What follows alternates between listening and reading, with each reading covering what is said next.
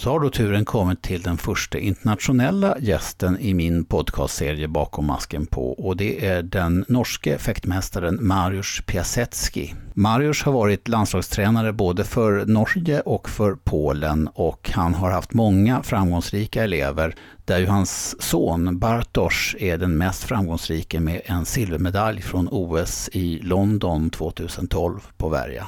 Vi spelade in den här podcasten i samband med Malmö International och vi fick väl en lite grann sådär bra studio att hålla till i. Vi sitter i ett litet rum alldeles intill tävlingshallen och man hör hela tiden skriken från fäktningen och värjskramlet också i viss mån. Och dessutom så var det en dörr alldeles utanför som slog igen, en omklädnadsrumsdörr som slog och det går också igenom intervjun och det ekade lite grann. Och Marius han var precis mitt emellan lagmöten med den norska, med Bygdöjs lag, så att han kanske var lite stressad. Men jag fick i alla fall möjlighet att prata med honom och det är jag väldigt glad för, för det här är en väldigt skicklig fäktmästare och när han säger att man ska vara på rätt sted och ha lite flax, då vet han vad han pratar om, för att det gäller att se till att man är på rätt sted och ha lite flax. Det kommer inte av sig själv som ni får veta om ni lyssnar på den här intervjun. Så Varsågoda och lyssna på Mariusz Piasecki. En garde. Prêt. Allez!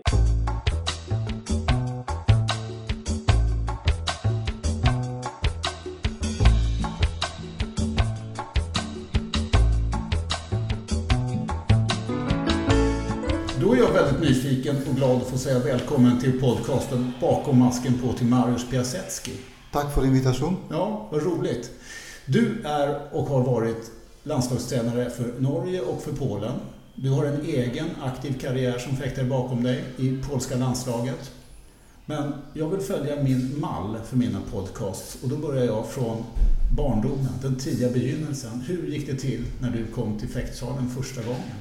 Ja, det var eh, som alltid sådana tillfällen. Det är eh, väldigt mycket eh, som är icke planlagt. Min far var volleybolltränare Ja. Och jag begynte livet mitt med volleyboll, alla kamper och basket i tillägg. Och plötsligt på en skola i, i Polen eh, klarade de att starta fäkteklasser och min far sa varför inte? Ja. Och alla bästa vänner från min tidiga klass gick på den fäkteklassen och då sa jag jag vill också vara med. Ja. Och så startade det. Ja. Och du kommer från, ursprungligen från? Jag kommer från, från Polen och jag började i, i fäktundervisning i en by som är väldigt känd med sabelfäktning nu, Konin. Där mitt mellan Poznań och Warszawa. Okay. Efterpå flyttade jag till Gdansk och började med varga. Ja. Det betyder sedan 14-15 år är jag, jag är vargafäktare. Så din huvudsakliga uppväxt är i Gdansk? Ja, eh, från 14 år upp till 30 när jag flyttade till Norge var det Gdansk. Ja. Är, det en stark fäktstad i Polen, Gdansk? Man säger Vilka är de starkaste, fäktmässigt starkaste städerna i Polen? Det, det som skedde i det sista i Polen, att, eh, som i Skandinavien för en gångs att eh, väldigt många klubbar klarar inte att driva tre vapen. Nej. Därför i Polen är det också väldigt många klubbar som driver med bara ett vapen och i Gdansk akkurat sista 20 år är det bara florett. Det var jag som jobbade med Korde till 1988 och flyttade till Norge då Korde blev, man kan säga, stängt ja. i Gdansk och nu är det bara Florett. Och det är väldigt många klubbar i Polen som driver bara med ett vapen. Ja, okay, det är så. Men din egen, om man tittar juniorkarriär och, och, och framgångar som ung, var du tidigt med och var jag var, jag var sedan jag var 18 år första gången jag var på junior-VM och mm. Det var i medling. Eh, jag var 18 år och då tappade jag två, två kamper. Första med Poffé, eh, gammal eh, to, tre, tre gånger världsmästare. Juniorer ja. ja. Och så repassage tappade jag för Nils Koppang. Och det var det första, man kan säga, kontakt med min senare uppehållssted och, och vänskapssted. Ja. Alltså Poffé och Koppang, de var ju totala dominanter där några år. Ja, det var, jag tappade faktiskt med ett stöd bägge två kamperna, men eh, de var mycket bättre. De vann till slut. Ja. ja. Och sen så gick du, var du med i polska landslaget tidigt också eller du var lite grann på gränsen till polska landslaget? Det var ett starkt lag? Ja, på den tiden landslaget, det var inte bara fem stycken som du huskar, mm. det var fyra procent. Det var tio, tolv stycken som var på landslaget och tränaren kunde välja fem.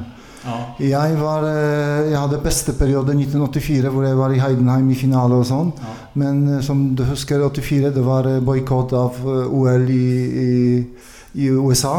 Ja. Og jeg var faktisk topp fire i Polen og skulle reise til USA, men det var boikott, og jeg ble syk spesielt.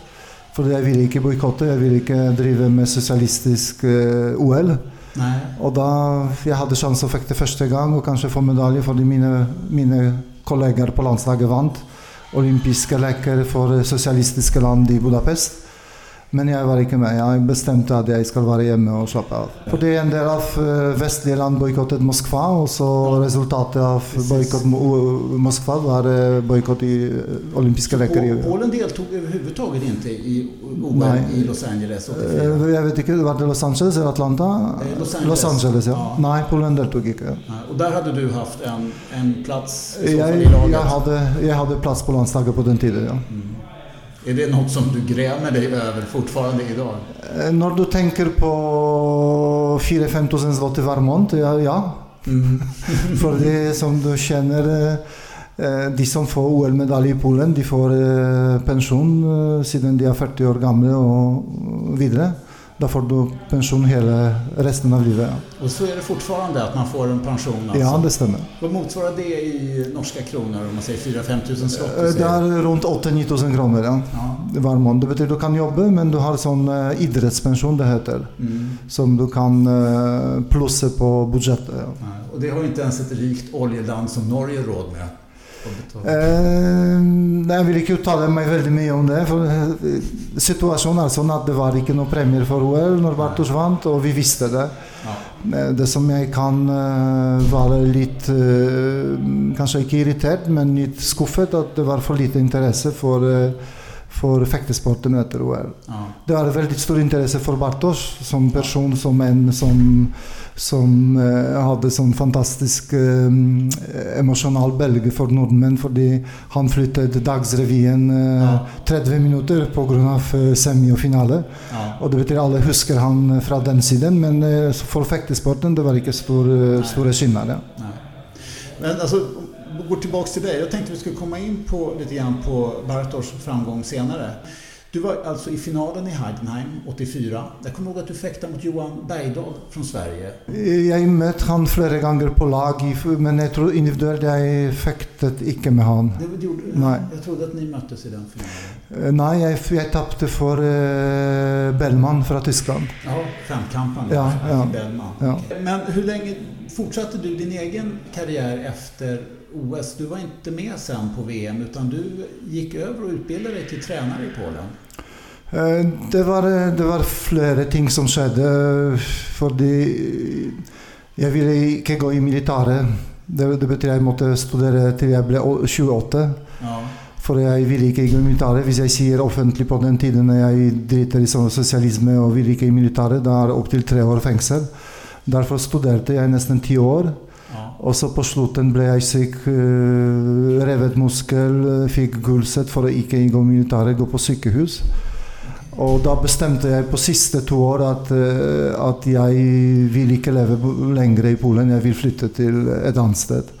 Og som sagt, jeg hadde kontakter med Koppang og et par andre fra Norge fordi vi reiste på stevner i Skandinavia. Det var Turku, det var eh, Oslo Cup. Jeg var flere ganger. Mm. Til og med jeg vant Oslo Cup, eh, husker ikke 80-81. Ja. Det betyr jeg hadde kontakter der fra før. Jeg var kanskje litt kjent. Och det var också tillfälligt att jag havnet eh, i Skandinavien. Men hade du en fäktmästarutbildning då? Från ja, ja, jag har fem års eh, gymlärarutbildning plus examen i fäkting hos professor Tchaikovsky som examinerar speciellt. För han har eh, akademi i Katowice, jag studerade i Gdansk. Ja. Därför du måste ha speciell examen. Du gick på kurs och så du hade examen. Så du, har, du, och du är också examinerad för professor Tchaikovsky ja. i Katowice? Ja. ja. ja hur, hur upplevde du honom som lärare? Ja, han är eh, väldigt speciell för han har, eh, du vet, av och till auktoritära personer känner att de är eh, det viktigaste och de vet allt. Ja. Och han är akkurat som person. Det betyder att du måste lära dig slik att du eh, gör det som han önskat. Ja. Men eh, jeg synes jeg fikk mest eh, av utbytte gjennom min eh, idrettskarriere, fordi jeg var alltid litt grann etter. Ja. Og så i tillegg til det, jeg måtte analysere Jeg hadde ulike trenere. Jeg kan si at jeg hadde seks landslagstrenere i min periode. Ja. Og det, det var veldig stor lærdom i tillegg til teori. Det var den beste perioden hvor jeg fikk eh, hvordan, hvordan man kan jobbe, hva kan man gjøre, hvorfor. Eh, I ulike situasjoner. Til og med med, med den beste kordetrener i Polen, Medinski, som, som har flere medaljevinnere fra senior-VM. Og, og han eh, ga meg no, noen tips som jeg eh, jobber med fremdeles i dag. Hade du annars med dig några egna förebilder bland fäktare när du, både som aktiv och sedermera som tränare, några som du har tagit med dig? Du var fekter selv, da vet du at eh, å ha forbilde i fekting det betyr at du godkjenner at noen er bedre. Ja. I hvert fall for min del. Det var at eh, jeg ville ikke ha forbilde, fordi da, da tapte du kampen på forhånd. Mm. Jeg likte å plukke ting som jeg likte hos åtte-ti fektere, og så jobbe for å bli bedre. Ja. Jeg likte noen stiler, eh, men jeg kan ikke si at jeg hadde en person som jeg likte best. Okej. Men sen så då eh, 88 så märkte du att här fanns en möjlighet att flytta till Norge och eh, du hade familj du tog Ja. med dig. Ja, det var, det var en morsom situasjon, fordi vi traff med Nils Kopank eh, Vi traff hverandre i Heidenheim på tevling i, største tevling, tevling i verden. Og vi satt i samme pulje. Vi fektet i samme pulje. Ja. Og det gikk dårlig for begge to, fordi jeg hadde en seier og Nils hadde en seier. Og, og vi sa kanskje vi skal gå og så ta en øl sammen og prate litt. Og sånn startet det. Han fortalte meg at eh, det er mulighet å jobbe i Norge, Oslo. At de leter etter en trener, og, og sånn startet dialogen. Og faktisk eh, fem-seks måneder senere var jeg i Oslo. Mm. Med familjen. Nei, det var eh, litt vanskelig tid, fordi jeg hadde barn, Bartos, som var nesten halvannet år gammel. Mm. Og han fikk, fikk ikke lov å reise, fordi da alle visste at helsike, han kommer ikke tilbake til Norge. Derfor min kone fikk ikke lov å reise eh, seks-syv måneder, faktisk. Og vi måtte betale litt ekstra dollar for å få pass til kona mi og Bartos. Det var sånne tider var det. Sådana tider var det. ja. Mm, Det är svårt att tänka sig idag. Men, Ja. men, men eh, då, kom du till Oslo, eller till Oslo satte igång i Bygdøy Ja. och sen så blev du norsk landslagstränare då också med en gång eller? Ja, det var en veldig kort periode, fordi det var Kristian Witwicki som jobbet i Norsk Fekterforbund. Ja, Han det. som eh, jobbet som, som landslagssjef i Sverige. Stefan Witwicki, han var Eh, Christian. Witwicki, Christian, ja. Mm. Og eh, jeg hadde den mulighet å jobbe med han fra august til mars-april, husker jeg, 89. Mm. Og da han hadde mm, problemer med, med tidligere president og hovedperson i Norge, som du kjenner, eh, Egil Knutsen, som var Ja. veldig, veldig vanskelig å si akkurat det negative eller mot det han sier. Og så Christian bestemte seg å trekke tilbake og reise tilbake til Sverige. Ja. Og da var det åpning, og jeg tok sjansen. Jeg hadde snakket veldig dårlig norsk og, og begynte å jobbe på kontoret som eh, utviklingssjef. Ja. Og så lærte meg etter hvert språket, og jeg tror etter et år eh, klarte jeg meg ganske fint. Ja, Og så i 91 jeg ble landslagssjef. Ja. Ja. Men fäktmästare, fäkttränare, de är ju diverse arbetare också. De klarar var som helst många gånger. Ja, ja, det, det, spesielt i Skandinavia. Man må, man må passe på alle slags jobber. Man sier på norsk man sier potet, fordi potet passer til mange forskjellige retter. Ja. Det er som fektetrener. Du er potet fordi du kan gjøre masse, mange ulike jobber. Ja. Ja. Som Fast det är inte alla som passar som fäkttränare å andra sidan. Ja. Nej. Men du, sen fick du också en utdannelse eller en utbildning via, som jag förstår, via norska, det som är OL-toppen. Det som alltså är norska olympiska kommittén och organisationen. Ja, det stemmer. Jeg tror det var 93-94 jeg gikk på diplomutdanning i, i Norge for landslagstrenere. De som ville utbilde seg til Ja. høyere nivå. Da fikk jeg sjansen, og, og jeg tror det var 200-300 timer som vi hadde i løpet av et år, halvannet år, noe sånt. Ja. Och det är också avslutat med uppsats, uppsatsskrivning och, och också Ja, ja. teoretiska arbeten. nu. Ja, det var teoretisk arbeid, og da tenkte jeg hva jeg kan gjøre hvis jeg skriver noe om, eh, om trening. Det blir bare for meg eller tre-fire stykker. Derfor skrev, prøvde jeg å skrive om fektehistorie, slik at, at man har det på norsk, for det er ikke mange bøker i Norge om, om fekting. Mm. Jag ska berätta en rolig historia. En gång när jag var i ett norskt antikvariat i Oslo för att köpa en fäktbok som jag hade noterat att det fanns där. Mm. Så kom det fram en ung kille och säger till mig, frågade mig om jag kände till någonting om fäktning. Ja, det gör jag, sa jag. För han visste att jag skulle köpa den här mm. fäktboken, då, en gammal fäktbok. Och då säger han, ja, mitt namn det är Devon. Devon. Mm. Och min bästefar var fäktmästare här i Norge före första världskriget. Mm. Och då visade det sig att hans farfar eller bästefar mm. ja, hade då varit en av de första fäktmästarna i Norge som också har skrivit en liten bok ja. om fäktning på norska. Men fick resa hem till kriget och tror jag faktiskt stupade i första världskriget. Mm. Så han kom inte tillbaka sen. Ja, det stämmer.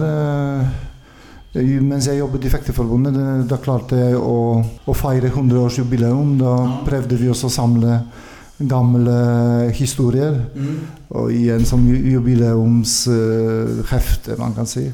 Och det var också bland annat Drevon-historia. Mm, mm. Norge var ju då till skillnad från Sverige en av de nationer som var med och bildade FIE, Internationella fäktförbundet. Av någon anledning så var inte Sverige mm. med där vid bildandet. Därför vi firar ett 100-årsjubileum två år före FIE. Ja, vi fanns då. Ja, eh, men du har varit då i många år eh, landslagstränare för Norge. Fick fram en bra generation samtidigt som din egen son kom in i fäktningen och började växte upp tillsammans med andra talangfull, talangfull generation unga fäktare som du ju hade under dina vingar. Men när du kom till Norge, då var det Klaus Mörk som var... Han var bara 12 år gammal, 11-12 ja. Du... Det, det betyder Eh, jag kan säga att i den perioden jag har eh, jobbat med 11 VM-medaljvinnare som eh, alla blev utbildade av mig. Det var ingen som, som var klar till att bara fortsätta med honom. Då säger jag att det var en fantastisk generation. Jag tror du, du får alltid generationer men det må vara flera tillfällen, flera ting som må funka. Ja til at du klarer å få medalje. For å få medalje det er, eh, det er ikke selvfølge. Det er mange ting og litt flaks og litt uh, Som jeg kaller at man må være på riktig tidspunkt, i riktig plass på, i verden for å få det til. Ja. Og det, det klarte jeg med Norge, fordi Bartos det er resultat av jobben som jeg hadde med jentene som var i OL i Sydney, og de fikk bare åttendeplass på lag. Eh, det er resultat av den erfaringen jeg hadde med Klaus Merck, som ble Eh, nummer tre på VM i 2004. Ja. Det betyr at det er fortsettelse av erfaring og jobbutvikling som skjedde gjennom mange år. Det er ikke bare at det var en gruppe, og så jeg var der, og så plutselig tingene skjedde. Ja. Og så I tillegg til det, det var når jeg begynte å jobbe i Norge, da veldig mange steder, som i, i Norge og i Sverige, dere sier at man må ha egne kurs, utbildning, trenerutbildning. Men på den tiden mens jeg jobbet i forbundet, jeg sa nei. Vi må eh, hente flere profesjonelle trenere. Ja. Det var litt lavere levekostnad, det var lavere muligheter når det gjelder økonomi. lavere eh, kostnader, og da hentet vi flere trenere. Det var Zasjitskij, det var Agir, det var eh, Jodowski og meg. Det var fire stykker som jobbet. Slik at det var flere som du sier, gruppetalentfulle. Ja. Men blant de var også Bartos. Det, var mye lettere. I dag er situasjonen ikke slik. Det er ikke så mange. Och det är lite mer vanskligt att få det till. Hur mycket press fick du sätta på Bartos för att han skulle bli fäktare? Jag tror jag gjorde bara en gång eh, lite morsom situation för han likte som alla yngre gutter spela fotboll. Och, mm. och eh, han gjorde det faktiskt. Och, men när jag sa att du spelar fotboll och fäktning, du kan inte göra bara en ting. Därför han började med fotboll som nio år gammal tror jag, för han ville inte fäkta. Mm. Därför väntade vi till han säger ja, jag vill fäkta och spela fotboll. Men jag tror den morsamma situationen uppstått kanske ett, två år senare. Jag tror inte två, kanske ett, ett och ett halvt år senare. Hvor han inviterade mig på en kamp och jag, jag tog med mig klocka. Och de spelade, jag husker inte om det var 40 minuter eller 60 minuter. Och jag tog klocka varje gång han var i han hade ballen med sig. Inte sant? Och så genom de, vad kan säga, 30 minuter, han hade ball 3,5 sekunder. Og jeg kommenterte det Bartosz for å komme på en fotballkamp og du har ballen bare 3,5 sekunder. Det er bedre at jeg kjøper ball og du kan leke med ballen hele tiden. Du blir mye bedre. Og han ble så irritert, og, og faktisk han sluttet med fotballen ganske tidlig. Alltså han sa ju att du inte har satt någon press på honom. Nej, absolut inte. Absolut ja. inte. Ja, det var, det var mye lettere for meg. fordi når jeg kjørte på fektesalen, da kjørte jeg bil, og han kunne bli med. Når det var fotball, han måtte være med venner. Eller han måtte gå til fotballplass fordi jeg var på fektesalen. Det betyr På denne måten var det press fordi det var mye mer eh, komfortabelt for han å komme på fektesalen. Men du har en dotter också som var en duktig fäkterska. Eh, Har inte du en dotter som har, har varit fäktare? Det har jag missuppfattat då. Det, det trodde jag att det var faktiskt så. nei, nei, nei. nei. Nej. Inte piasetska heller. Ja, Piaseska, det er min datter. Ja, din dotter. Ja, ja. Ja. ja men du sa dot, dotter, jeg trodde doktor.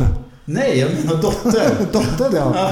Ja, det stemmer. Eh, Caroline var også på i samme situasjon. Hun ville spille håndball, Ja. men veldig fort ble det fekting. Men med Caroline det var litt, eh, jeg måtte legge litt mer press på at hun fekter.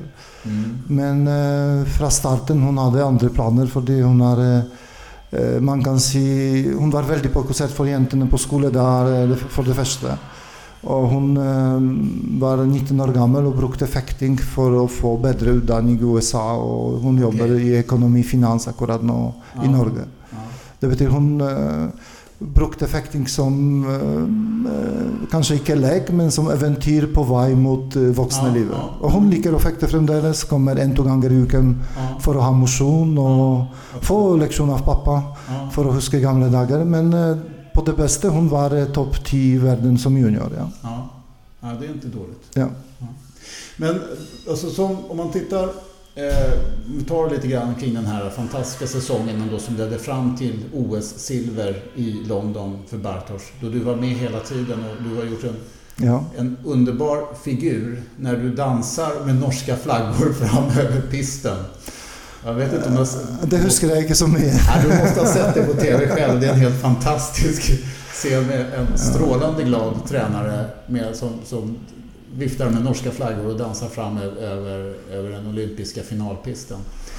Eh, men alltså, det, jag sa ju till Bartosz att det är en sån sak som egentligen inte ska gå att göra. Att ta sig igenom det nålsögat, att ta sig med till OS. Det är väldigt svårt. Det var ikke sånn, fordi du vet, når du driver med fekting, du alltid tenker at eh, jeg har en sjanse. Ja, Ikke sant? Og mm, eh, vi sa at, eh, tidligere at eh, du må være pres på presis sted og ha litt flaks. ja, Da alt kan skje. ja. Og eh, det som var eh, Jeg vet ikke når jeg kan si at det var Kanskje det var veldig viktig for meg, derfor jeg danset med flagget, at det var resultatet det som skjedde før OL. Fordi eh, Bartosz kvalifiserte seg til OL allerede i, i begynnelsen av april, hvis jeg husker riktig. Men eh, olympiske komité har ikke eh, godkjent dette. Og eh, vi måtte bevise på EM at Bartosz kan reise til OL. Og han eh, fikk planen at han må være topp 16 eh, på, på EM. Og han var faktisk nummer 15 eller 16. ja. Og derfor eh, det emosjonelle kom etter OL, at, at vi klarte det likevel. At, at noen trodde ikke på oss, og vi gjorde mye mer enn enn, eh, mange forventet av oss.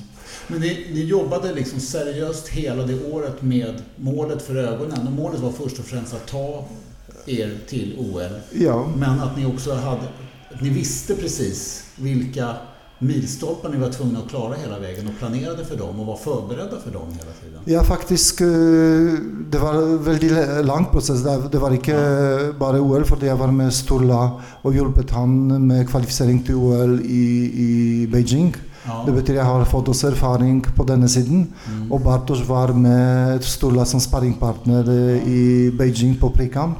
Det betyr, eh, Man kan ikke si at det var siste året. faktisk Det har skjedd fem-seks år før. Vi hadde gruppe på tre fektere, og Bartosz var en av dem. Ja. Og så på slutten han, eh, han eh, kommet seg i front av denne gruppen. Ja. Ja. Men som, som sagt, kvalifisering var en sak, men det som var fantastisk for oss, tilbake til at du må ha litt flaks og være på riktig sted til riktig tidspunkt. Mm. Han fikk første motstander Grumier, Mm. Og min fektemåte på å tenke og, og fekte, det passer per- perfekt med franskmenn. Og det betyr at i denne kampen Grumier var nummer én i verden, men eh, hos oss mentalt vi, vi kjente at det var 52 for oss og 48 til Grumier. Mm. Det betyr at vi kjente at det er mulig. Og det samme hvis eh, han vinner med Grumier. Neste var Imre, ungarsk, som Bartosz vant eh, på et eller annet verdenscupstevne akkurat i samme sesongen. Ganske lett. Ja. Det betyr at vi, mens vi forberedte oss til OL, vi forberedte oss på de to kampene mentalt og strategisk. Med videoobservasjon, med leksjoner. Eh, Det betyr vi jobbet, for vi visste at det er 90, det- 90 par prosent det blir akkurat de to. Og eh, derfor, mens vi laget planer og sånn, vi sa at, re- at vi satser på topp åtte. Vi visste Ja. ikke hvem vi får etterpå, men vi satser på topp åtte. Det er et realistisk mål.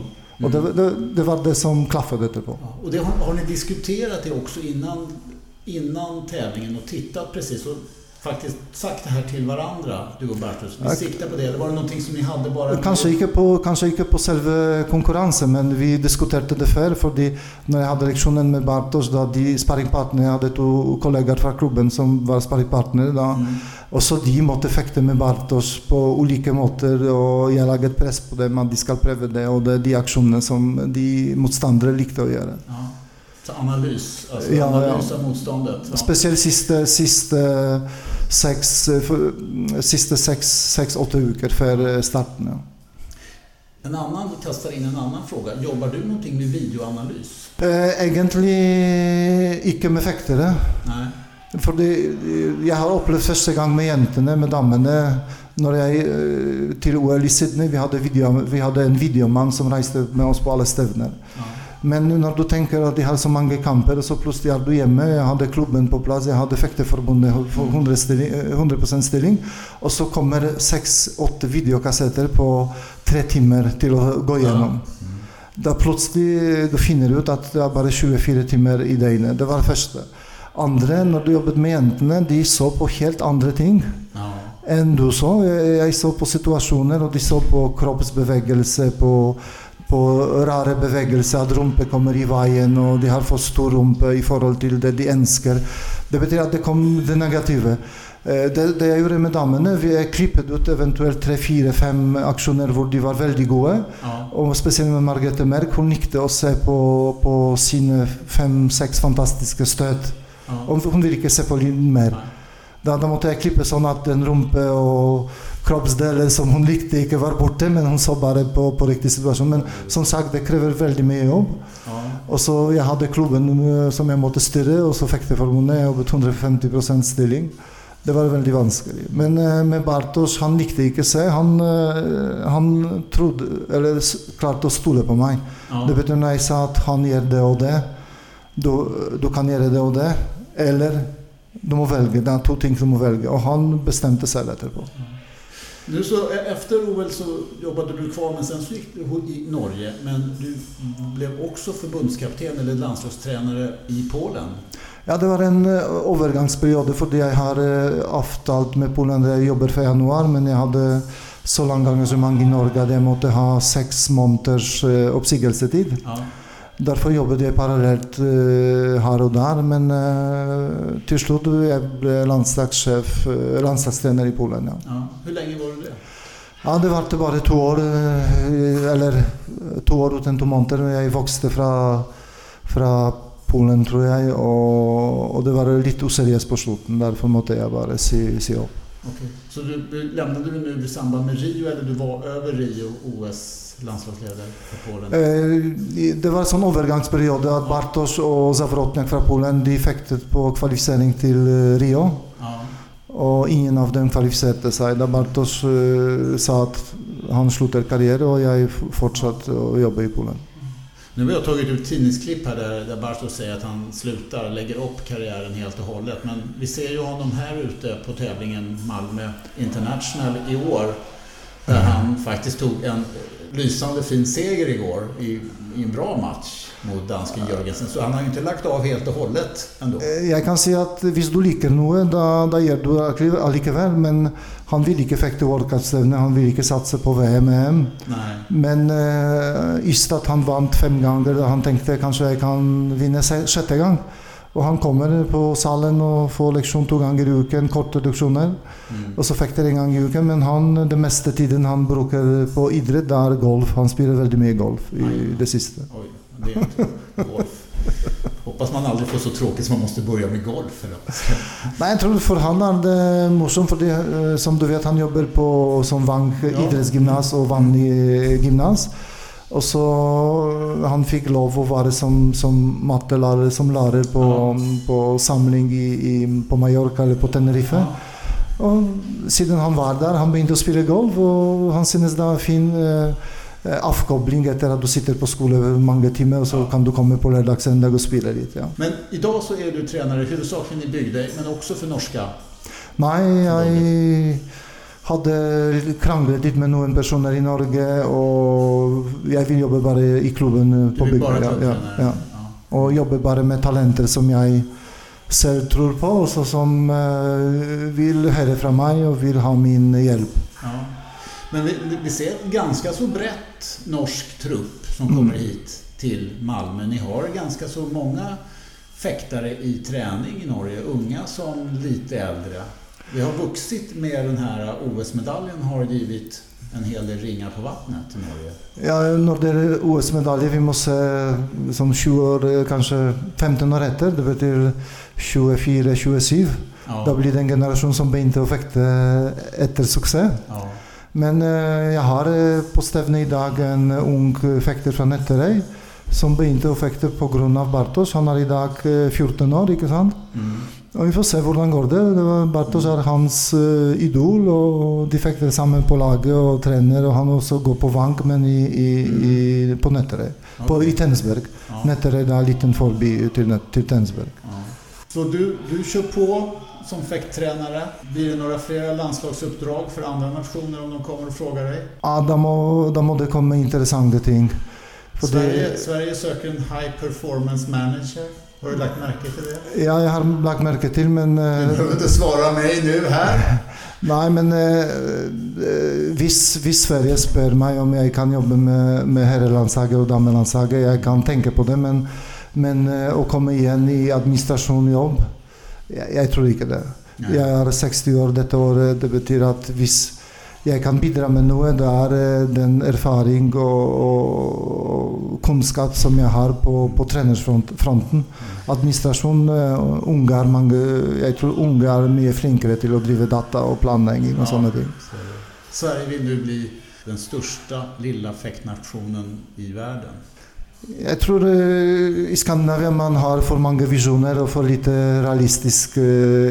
Jag, jag tränar, det betyder jag kan ha visioner men när jag får en fäkter då säger jag okej, okay, du kan träna två, tre år och efter två, tre år vi får se var ligger du i förhållande till din åldersklasse. Då kan vi laga, inte vision, men kan vi laga plan hur vi kan bli bättre. Mm. Det, det, betyder att uh, först man må kryssa någon sån delmål. Och när du kommer till ett tidspunkt som 20-åring, 21, då kan du börja laga visioner. Men när du är 13, det är väldigt, väldigt normalt i Skandinavien. När du är 13, alla har talenter och alla är fantastiska. Men var är de när de är 19? De flesta slutar. Ja, det är det som är den stora, ja. den verkliga utmaningen. Därför jag hade flera uh, sådana morsamma situationer. kommer en mamma med son som är 16 år och så spör om du kan jobba med honom, jag kan betala och jag vill gärna att han får medalj på VM. Och jag sa nej, beklagar, jag kan inte, jag kan inte det. Nej. Och då blev hon irriterad för de andra tränare sa att de kan göra det. Ja. Mm. Men inte jag. Men du slutar aldrig, fäktning kommer alltid att finnas med i ditt liv som en viktig, även som pensionär? Eller? Jag vet inte, för jag, jag ser äldre kollegor nu och så jag synes de överdriver lite när de är 80 år gamla och de är allt för mycket engagerade. Mm. Men jag har inte funnit ut vad jag ska göra efter 65 år. Det betyder foreløpig jag tänker att eh, fram till 70 ja. Hvis det kommer uppdrag eh, att jag kan jobba 10 år till. Jag tror 10 år till är väldigt realistiskt. Men efterpå, jag tror det blir nog barnebarn kanske. Jag vet inte. Det blir inte golf i alla fall? Nej, det blir inte golf. Absolut Nej, tack så Nej, jag, Hvis jag ska göra något, det blir poker på internet. Ja. Det blir något som jag liker. Marius, jag hoppas i alla fall kanske att man inte helt utesluter man får se dig dansa över den där uh, OS-finalpisten igen med flaggor i händerna. För det är en av de roligaste bilder jag har sett faktiskt. Jag ska pröva förbereda mig lite bättre till 2024 tror jag. Det är det närmaste tror jag, inte tidigare. Jag skulle vilja tacka så mycket för att du kom till min eh, podcaststudio. Ja, själv tack. Tack för invitationen. Det var trevligt att ha dig med. Tack ska du ha. Tack.